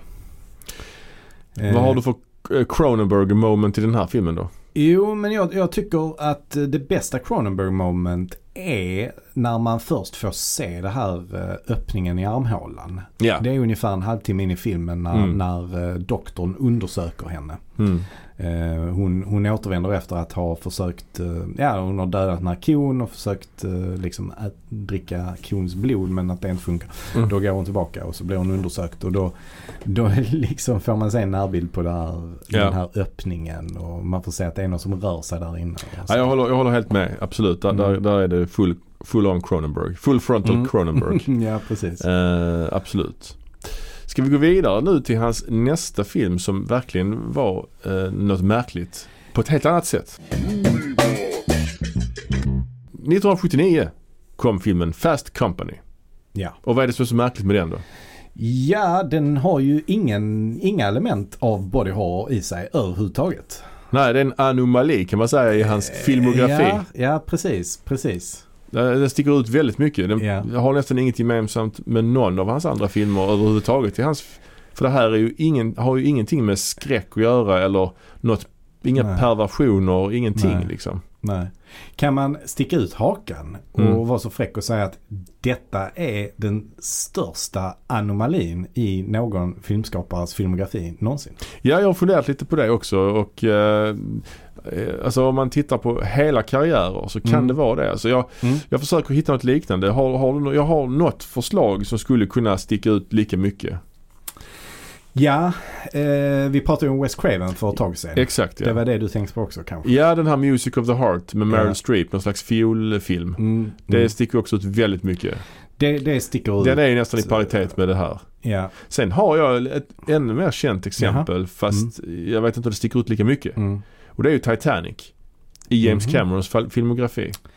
Sticker ut rätt ja, rejält. det gör det faktiskt. Den, det tänker man inte på faktiskt. Eh, men den sticker ju ut rejält ju. Även True Lies sticker ut lite grann men inte lika mycket. Kanske. Är det också Cameron? Ja. Men där är ändå action och sånt som i Aliens, Ja. Terminator och så Ja. vidare. Ja, Det är klart, det är precis. ju undervattens... Och där är också Schwarzenegger med i den. Till Ja, exempel. och det är, det är klart det är vatten i The Abyss men det är ändå en sci-fi film liksom. Ja, ja. Men Titanic är ju en kärleksfilm, historiskt drama liksom. Den, Ja, den sticker ja. ut rätt mycket också. ja, det är sant. Jag håller med. Den, eh, den, eh, den på, på något sätt klår den Wes Craven. ja, verkligen. men jag funderade också lite sådär, men det, det, är, det är inte alls på samma nivå. Men Kubrick eh, med eh, Dr. Strangelove. Nej, ja. Alltså Kubrick är ju inte alls känd för sina komiska kvaliteter liksom. Nej. Utan han, eh, han har ju varit runt i alla möjliga genrer. Mm. Men jag tycker ändå att Dr. Strangelove sticker ut en del. Men det är inte alls i paritet Nej. med denna. Där är Lolita också. Men den är ju mer... Den eh, är väl inte komisk ja, men ändå? Peter Sellers är med i båda. Han är rolig i båda kanske, eller? Ja, okej, det är han. Men jo, visst. Ja, jag vet inte. Men, Men, då, det är där, ingen sån... eh, ja, Ja, det är inte alls komedi på samma sätt. Jag tänker, nej precis, Steven Spielberg tänker jag då på. Jaha. Alltså om man inte ser på hela hans filmografi Mm. utan man bara ser vilka filmer han gjort fram till 1985 kanske. Ja. Så tänker jag på purpurfärgen. Alltså han har Mm. gjort Jaws, Close Encounters, Indiana Jones, E.T. Mm. Och så kommer den purpurfärgen där som handlar om Men då tänker jag slaveriet. nog nästan ännu mer på 1941 ju. Det är sant i och för sig. Men den, ja det är sant. Det är sant. Den Men det sticker ut. känns, om man tittar på hela hans filmografi så är det den som sticker ut mest kanske. Ja, det är nästan hans enda komedi. Regelrätta komedi. Ja, ja, Kanske. ja. Ja det är sant. ja. Eh, Sen tänker jag lite på Wes Anderson eh, när han gjorde Fantastic Mi- Mr Fox. Mm. Nu har han ju på senare år gjort ytterligare en sån dockfilm. Ja den med hundarna. Isle Ja. of Dogs. Ja. Mm. Men om man tänker fram till dess liksom. Ja. Så stack ju den ut rejält mycket också får man säga. Ja, det blir ju så när man gör en tecknad film eller eh, animerad film helt plötsligt. Vi har ju också John Carpenter. Han gjorde ju eh, Memoirs of an Invisible Man. Som förvisso har lite så sci-fi inslag så ju. Mm. Men det är ändå någon slags komedi Mm. eh, med Chevy Chase liksom. Mm. Ja men absolut. Eh, sen tänkte jag också lite på George Miller. Ja, han har också tänkt på lite grann. Han har ju gjort några... eh, Då tänker jag på Happy Feet. Happy Feet ja. Men å andra sidan är hans karriär rätt brokig som den är. Den är brokig. Han har gjort Häxorna i Eastwick också. Mm. Mm. Och något annat. Lorenzos olja typ. Den Ja. här med, Ja. med Nick Nolte. Nej men han, han är ju intressant för han, eh, han ändrade ju stil helt när han fick barn. Så då gjorde han ju filmer som hans barn skulle eh, Ja. tycka om. Liksom. Och då Han var gjorde det alltså Mad Max från början ska vi säga. Ja, ja. Och har gjort alla Mad Max-filmerna också. Ja. Sen har vi ju också, jag tänkte faktiskt, jag kom på det nu, Brian De Palma gjorde ju den här Phantom of the Paradise, den här musikalen, rockmusikalen. Det är heller Mm. inget, något, han har ju inte gjort något liknande. Nej men där finns så många grejer i den som man känner igen E, är, Mm, kanske. är, är, är eh, De Palma liksom. Ja, Till, kanske. ex- alltså han har ju en eh, Hitchcock-referens där till exempel med den här Duschen. duschen. duschen. Ja, ja, ja. Mm, det är Alltså sant. så, så att, Mm, ja. mm. nej, alltså jag står nog ändå fast vid att jag tycker att eh, Cronenbergs eh, Fast Company är, är den konstigaste av dem alla. Även el- slå Titanic också menar du? Ja, Okej. det, jag tycker det alltså, Ja. på, på, något, på något konstigt sätt. Så, Vi- så vi- tycker jag. För, att- Ja. för att grejen är att han har ändå hållit sig väldigt, eh, till en början i alla fall, inom samma genre hela tiden. Mm. Och den här är så unik som film på något sätt. ja, Alltså just att det, ha- det är en film som handlar om dragracing. ja. Det handlar om dragracing. Ja. Och, och det finns ju ingen annan film som någonsin har gjort som handlar om dragracing vad jag vet. Och den, den är så väldigt, Mm. den, den är så eh, koncentrerad till det. Ja, Så det är det som känns så konstigt. Titanic har ju en massa andra mm, moment i sig. Där mm. det utspelar sig i två tidsplan och ja, ja, ja visst Eh, absolut, absolut. det finns teknik med där när de ska göra den uh, ubåten. Gör de väl Ja det är där? sant. I början på Titanic är de ju i den här ubåten precis Mm. som i The Abyss då. Att det Mm. finns den kopplingen möjligtvis liksom. Mm. Eh, nej det är sant. Det är sant. Mm. Fast Company då, den här filmen är ju ganska välgjord. Ja. Alltså den är ju väldigt snygg.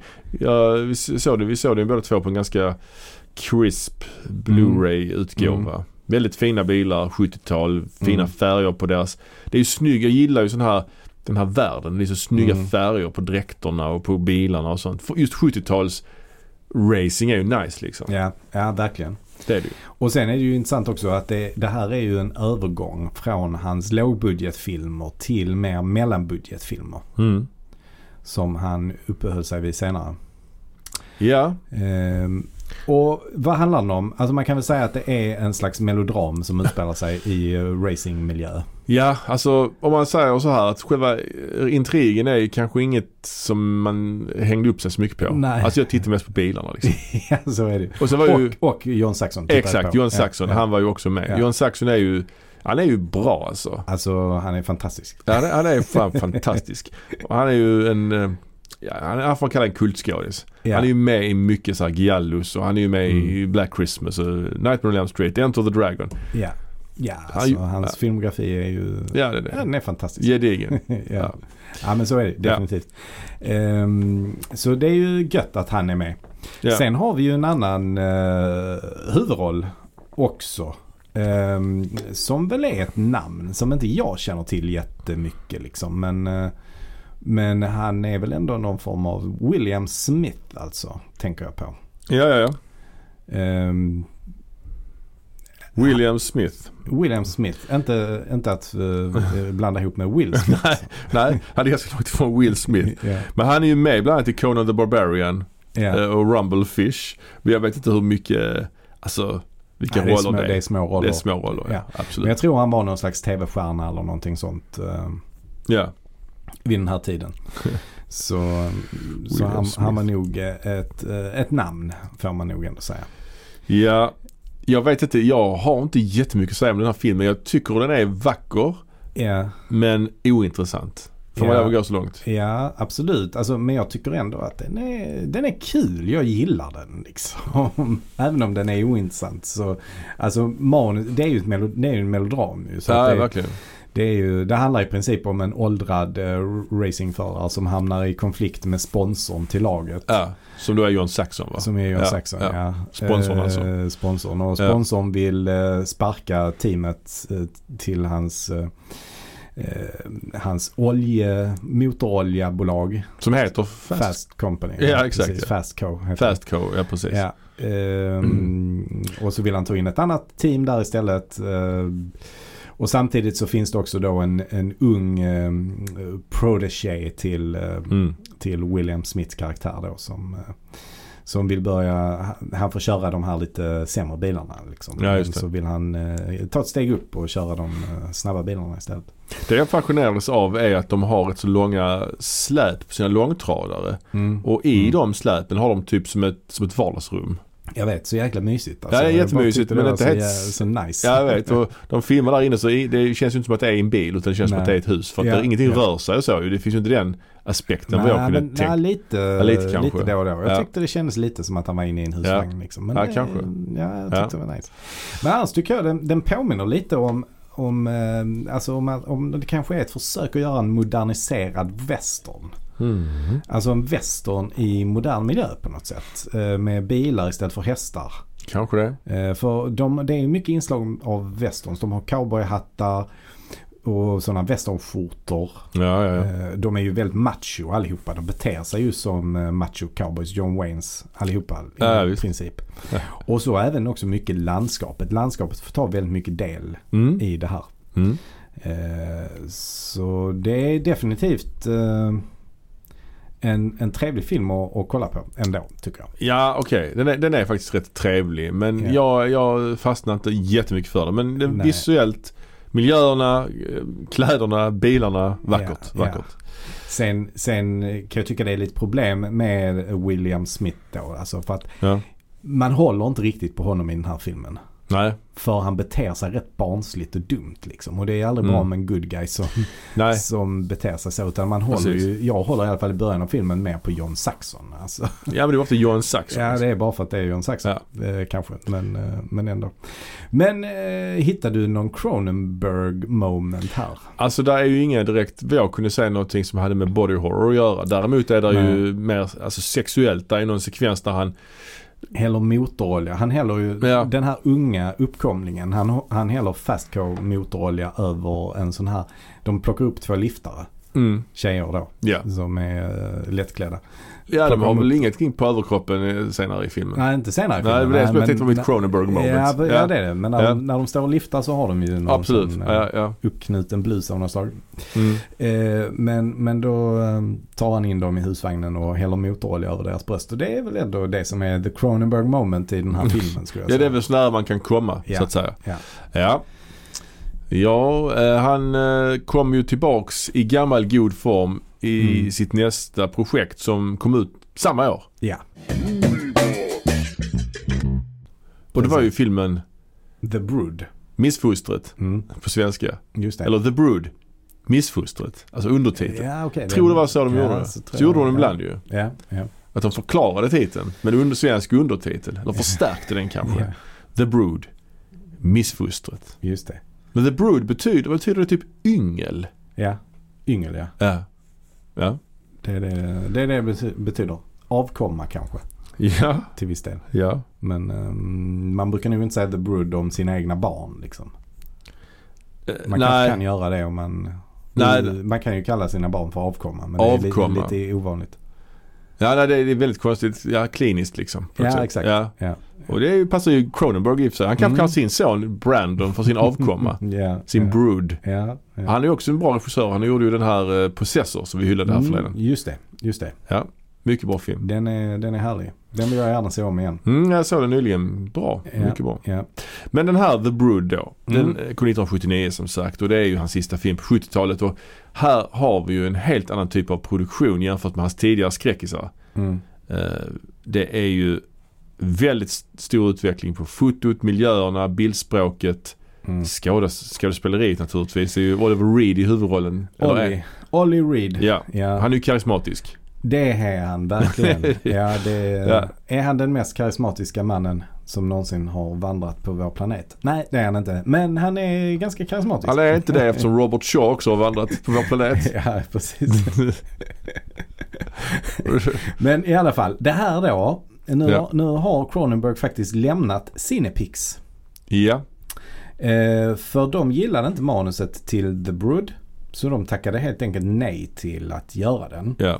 Eh, det ledde däremot till att eh, Cronenberg samarbetade med Viktor Solnicki Mm. och Pierre David. Och de kom att samarbeta på den här filmen och två filmer till efter det. Scanners och Videodrome. ja. Och de här tre filmerna är ju kanske mm, Ja, jag vet inte om det är piken. Ja, alltså, men, ty- ja, nej, kanske. men, men det är, Peak Cronenberg. det är viktiga, viktiga filmer Ja. i hans eh, karriär. Ja, ju. vi kan lägga Flugan till också kanske. Ja, Som kom efter. ja, Som är hans stora Hollywoodfilm kanske. Kan ja. man säga det? Ja. Men den här, den här filmen distribuerades också av New World Pictures. Och det är ju Roger Cormans bolag. ja. Så det är Ja. lite kul ju. Mm. Vi kan också nämna musiken här i- är ju skriven av Howard Shore. Aha, Och det okej. är hans första filmjobb tror jag. Som Ja, eh, ja. kompositör. Och han gjorde ju sen eh, musiken till Lord of the Rings bland annat. Ja, ja. Så att det är ju, men man märker ju här att det är mer bombastiskt orkestermusik. Ja. Liksom. Mm. Eh, Cronenberg har väl själv sagt tror jag att detta är hans version av Kramer mot Kramer. The Bud. Ja, ja. ja. Why not? Ja. Ja, men, Eh, eh, kortfattat så handlar den om... Eh, eh, ja, filmen inleds med att vi återigen är på något slags institut. The Soma Free Institute. Ja. Och eh, där arbetar eh, Ollie Reed. Mm, han är psykoterapeut. Han är en Han har en psykoterapeut. speciell metod. Ja, precis. Ja. Återigen. Eh, och på, det här, eh, på den här kliniken så eh, finns då eh, huvudpersonens fru eh, inlagd som patient. Och får den här behandlingen då av Olly Reed. Hon spelas av Samantha Eggar. Ja. Och eh, brittisk skådespelerska. Mm. Och huvudpersonen är då Art Hindle. Som vi då känner igen från filmen Black Christmas. Ja, Och det var han vi pratade om. När vi pratade om Black Christmas så är det ju då han som hade det där typiska kanadensiska utseendet sa vi.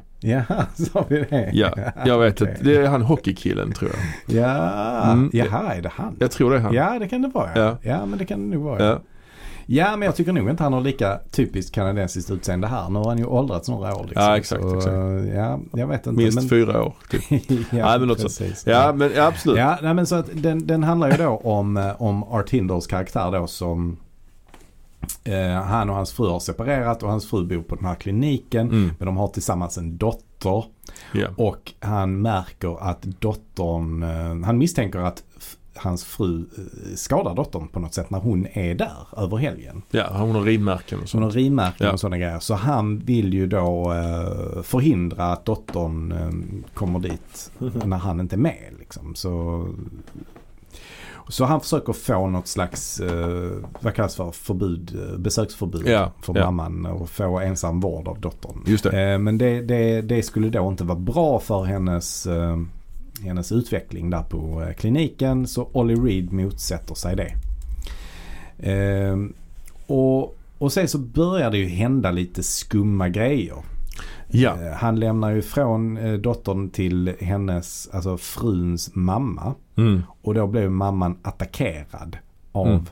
vad som ser ut som eh, en eh, flicka.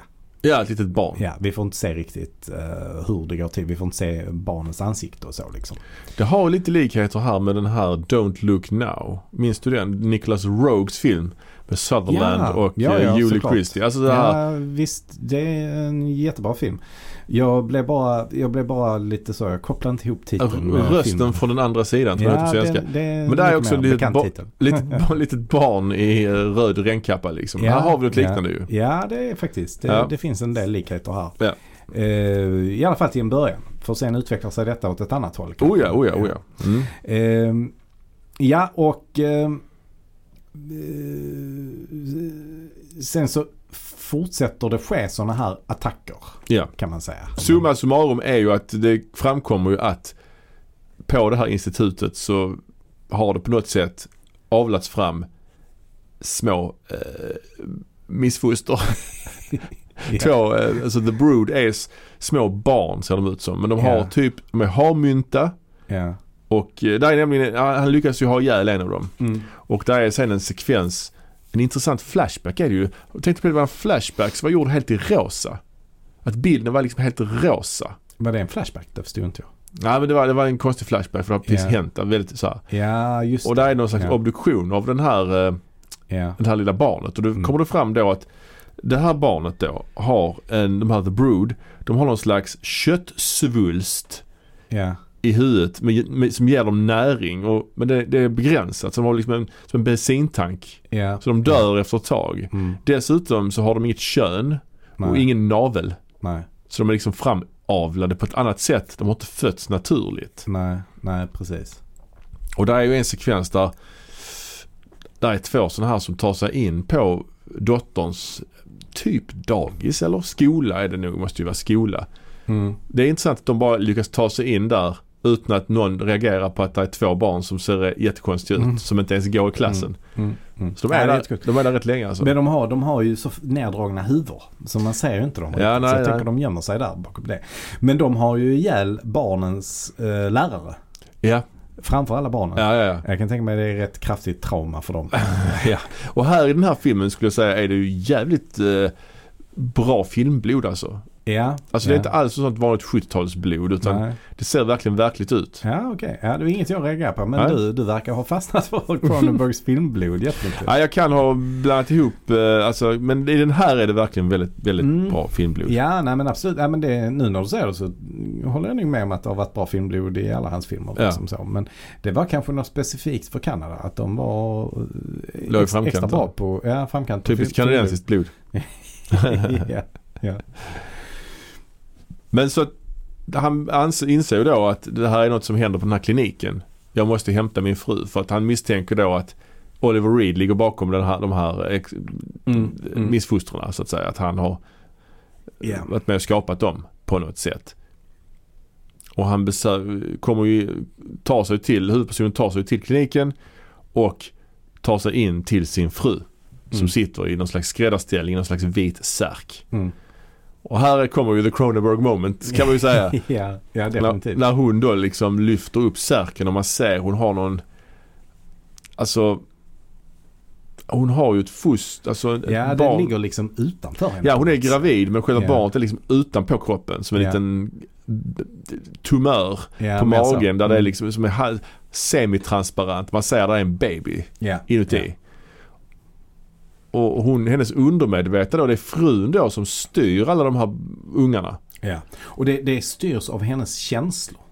Ja. Så är hon glad så är barnen lugna. Eller The exakt. Broods är lugna då. Men, men om hon är upprörd på något sätt så blir de aggressiva och Ja. attackerar. Och de attackerar ju, där är jättemånga ju, inne i någon slags sovsal. de Ja, hon, attackerar har, ju. hon har tiotal Ja. upp, upp, på ovanvåningen. Och Ja. i slutscenen där så är ju hennes dotter där uppe. Ja. Och då har, ju, då har vi helt eh, plötsligt fått reda på då att Olly Reed faktiskt, han, lig- han är ju inte den som ligger bakom detta. Nej, Utan han vill ju också försöka eh, rädda den här dottern. ja, Så då, då gör de en plan. Art Hindle och Olly Reed ja, gör en plan att, att Art Hindle ska prata med sin fru på ett lugnande sätt och be henne komma tillbaka så att hon blir glad och så. Mm. Medans, Art, medans Olly Reed då går upp på ovanvåningen och, och räddar dottern. ja.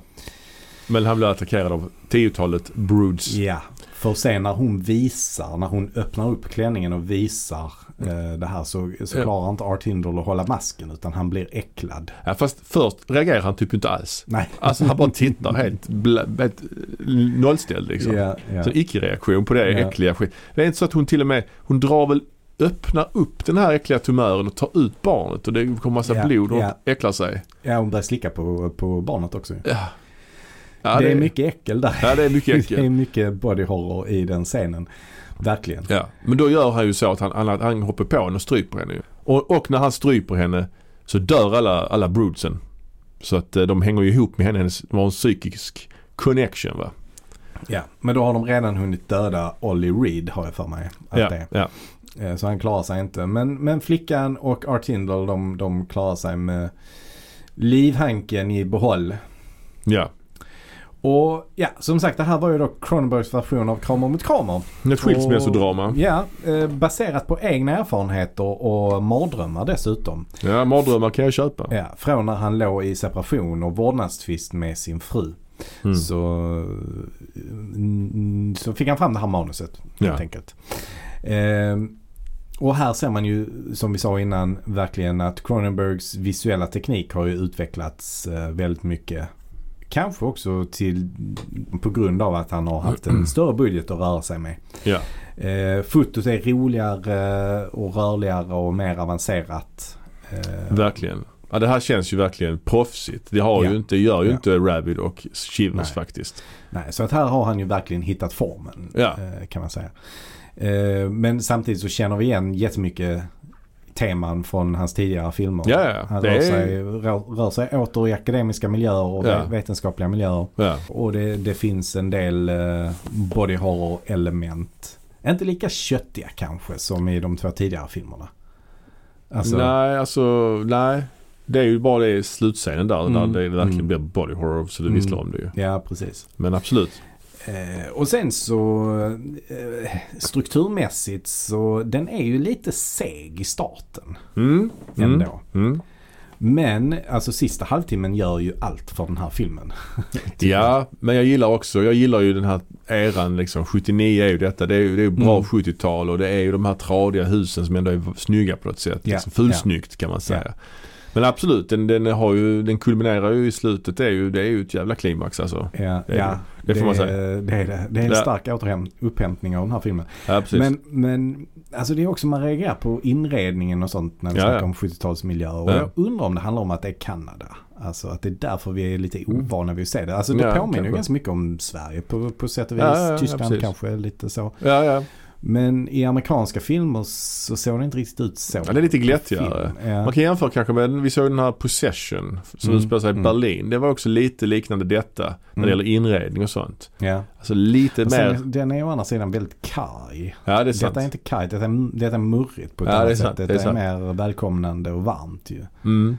Ja det är sant. Ehm, Så, men, eh, men jag tycker liksom att- också att han huvudkaraktären Art Hindle, han är inte så jäkla rolig alltså. Nej, Han nej. gör inte mycket i den här filmen egentligen. Utan nej, det måste finnas ett Eh, han gör huvudkaraktär. mer någon slags detektivarbete Mm. hela filmen. Ja. Eh, Men eh, ja. Men å andra sidan så är ju Ollie Reed eh, som sagt. Han är magnetisk att kolla på. kan ja, det är han. Det är man han. säga. han var, eh, och det, man undrar just varför han gjorde den här filmen. För den sticker också ut lite grann i hans filmografi. Oliver Reeds. Vad jag vet. Jag är en- ingen expert men han gjorde väl inte så mycket skräck och sånt va? Gjorde han det? Ah, jo, han var runt och gjorde rätt mycket olika grejer faktiskt. Eh, Ja, kanske. Jag såg en Haunted House-film med Oliver Reed för inte så länge sedan. Den Jaha. gjorde han kanske, det kanske var in på 80-talet förvisso. Men, eh, men han har varit, eh, varit runt i eh, skräckgenren också tidigare. Ja, ja. Till exempel gjorde han ju Burnt Offerings eh, 1976. Ja, okej. Som ju faktiskt är en rätt rolig Haunted House-film. Ja, eh, som men man normalt kan sett, kolla. normalt sett brukar han ju vara relativt så här eh, livsnjutande, lite gladlynt. Alltså jag tänker i Ja. Tre musketörerna är Ja. han ju väldigt så. Eller ganska hårdkokt liksom. Ja. Men han är ju också, utan att veta jättemycket om honom egentligen, Mm. vad han har för bakgrund och det behöver vi inte gå in på heller. Men han känns ju mer som en skolad teaterskådespelare från början. Mm, ja, absolut. Som kanske har gjort Shakespeare och sånt. Kan han Det- mycket väl ha varit, ja. Det, det är mitt intryck i alla fall. Ja, ja. Eh, Men han var ju en riktig suput ju. ja, det har vi pratat om tidigare. Han Ja. dog ju Ja. efter att ha supit loss på Malta under inspelningen av eh, Gladiator. Precis, Så blev hans precis. sista film, år 2000 kanske. Så att, Och jag tror att han var igång eh, redan på den här tiden också. Oh ja, oh ja. med, med sånt. Så att han eh, gick hem och söp på kvällarna men var ett eh, tvättäkta proffs på, eh, på dagarna. Ja, ja, ja men det var, han, var, han var känd liksom för, för sina olika, han var riktigt eh, glad i, i sponken helt enkelt. Mm. Och det var ju lite grann Robert Shaw har vi också i den genren av, Ja. av skådis. Och även kanske Peter O'Toole, även om han Mm. känns inte lika hårdför. Nej, han känns lite nej. mer gladlynt. Ja. Och Richard Han- ja, Harris eh, Richard kanske. Harris. De Mm. två är lite mer så här pranksters medan Oliver Reed Ja. och eh, eh, han Shaw känns ju mer så här, Mm. eh, kanske lite Mm. mer våldsamma rent av. Eh, det är det jag förknippar dem med också. Barslagsmål och Mm. sånt. Alltså faktiskt. Men, eh, ja, men vad tycker du om filmen eh, totalt sett? Ja men detta tycker jag nog är hans främsta, eller det är helt klart hans främsta film under 70-talet. Mm. På många sätt kanske det är hans främsta film överhuvudtaget. Nej det skulle jag kanske inte säga men jag skulle behöva säga om rätt mycket av hans filmer. Men den här är ju, jag tycker den här är bra absolut. Mm. Helt ja, klart. Ja. ja, det har alltid varit en favoritfilm men jag tycker ändå inte det är hans bästa. Men definitivt så är det den bästa av hans 70-talsproduktion. Ja, eh, tycker jag. verkligen. Jag tycker den är, jag tycker den är, väl, den är, den är rolig ändå alltså. tycker Mm, ja, jag. men alltså, eh, och det är också kul om man kan, eh, om man kan tolka den liksom lite som en allegori över föräldraskapets mödor. Till Ja exempel. jo men det, det är exakt. exakt. Han känner igen mycket där. Eh. Eh, ja, Typ. ja. Och eh, sen är den ju rätt så eh, fri för tolkningar, vilket många av hans filmer är. Mm, mm. Eh, Alltså man får inte reda på exakt eh, hur allting fungerar och exakt hur allting ligger till. Nej. Som det här med hur hon styr dem. Alltså man, de, det går ju aldrig in i detalj på de sakerna. Men, eh, så att det är ju rätt mycket fritt för tolkning. Ja för det där är ju en- verkligen en twist i slutet ju egentligen. ju. Alltså Mm, där, där är det mm. mycket man ska ta in Mm. på kort tid. Hela Ja. den biten ju. Ja. Ja. Men jag har alltid tyckt att de, de små barnen är så jävla läskiga. Alltså. De, Ja, de är läskiga. obehagliga Mycket, Eh, mycket. när de går där. Ja, men lite som dresserade djur på något sätt. Eller, eh, Ja, och när de tar med sig lilla flickan. Man ser bakifrån de går Ja. på varsin sida om henne och håller henne i handen. Liksom. Man får inte den, se. eh, den scenen är ju eh, riktigt haunting Ja, verkligen. eh, kan man säga. verkligen. Eh, Ja. Ja, Men eh, ja, det var väl faktiskt hela hans eh, tidiga karriär vi har gått igenom här nu. ja, det var det ju. Så att vi får väl återkomma och kanske göra ett 80-talsavsnitt. Det hade Cronenbergs faktiskt, 80-tal. eh, Cro- Cronenbergs 80-tal, definitivt. Där finns ju mycket att titta på där. Det Mm, finns Scanners, det mm. finns Videodrome, The Fly, Mm. Dead Ringers, Dead Ringers, Dead Zone. Dead Zone ja. Mm. Ja det är väl det. Kanske finns någonting mer som jag glömmer nu men. Men, men hans filmografi är ju, den, den tog ju en liten vändning efter Crash. Tror Ja, jag. Eller ja, det kan man rättare säga. sagt efter Existens, tror jag. Så tog den en vändning. Och då, Ja. då gjorde han ju lite mer dramatiska filmer. Och Mm. eh, även om vissa av dem var våldsamma och sådär så Mm. är inte alla våldsamma. heller. Nej men han gjorde till exempel History of Violence. eh, och, Ja, Eastern Promises. Ja, båda, med, båda med Viggo Mortensen där. Mm, mm. Tidigt 00-tal. Sen gjorde han ju ytterligare en film med Viggo Mortensen eh, där han spelar eh, Freud va? Eller Jung. Ja, Dangerous Method. Ja. Också Fassbender, väl hon Ja. Keira Knightley. Ja, Sen precis. senare år har jag haft ett litet samarbete med eh, Robert Pattinson ju. Mm, mm. Crime, eller eh, Cosmopolis och Maps to the Stars. Jag har inte sett Mm. någon av dem faktiskt. Nej, det har inte jag heller. Jag har faktiskt inte sett någon av hans filmer sedan Eastern Promises och det är fan 2007. Mm, Så jag får bättra mig där. mm. Existens såg jag på, på bio faktiskt. Ja, okej. Eh, Minns den som sådär. Ja, det är väl så många minns den. Men, men den tror jag ändå att man får se om för Ja. att omvärdera. För att det, det, det kan vara så att den är bättre. Samma sak med Crash. Den har jag inte sett sen det Ja, begav sig. Och den minns jag som jättedålig. Att Ja. jag verkligen hatade den filmen. ja, Så den skulle jag verkligen vilja se om. ja. Jag har faktiskt eh, köpt den nu på Blu-ray. Ja, Arrow gav ut den va? Ja, jag har dock inte, det, det paketet slarvades bort Usch, eh, på något förjävligt. sätt. Så Förjävligt. det, har- jag har fortfarande inte fått det men det är på väg tror jag. Jag har även lyckats att, ja, alltså inte sett Naked Lunch heller. Jag har aldrig, Ja, du har sett, inte jag har det. aldrig sett den. Ja, Nej. Det är jättekonstigt också ju, för det är någon film som ändå många har sett också ju. Mm. Ja och det var ju den filmen som eh, gjorde att han bröt med dem, det producentparet han jobbade med på den här och Scanners och Videotron. Ja, okej, okej. Mm. Eh, för det var att han ville göra den och det var inte alls de var inte alls intresserade av att gå det hållet. Nej, liksom. nej. Ja, men vi får Men, väl... men skulle du ge dig på att ranka de här filmerna?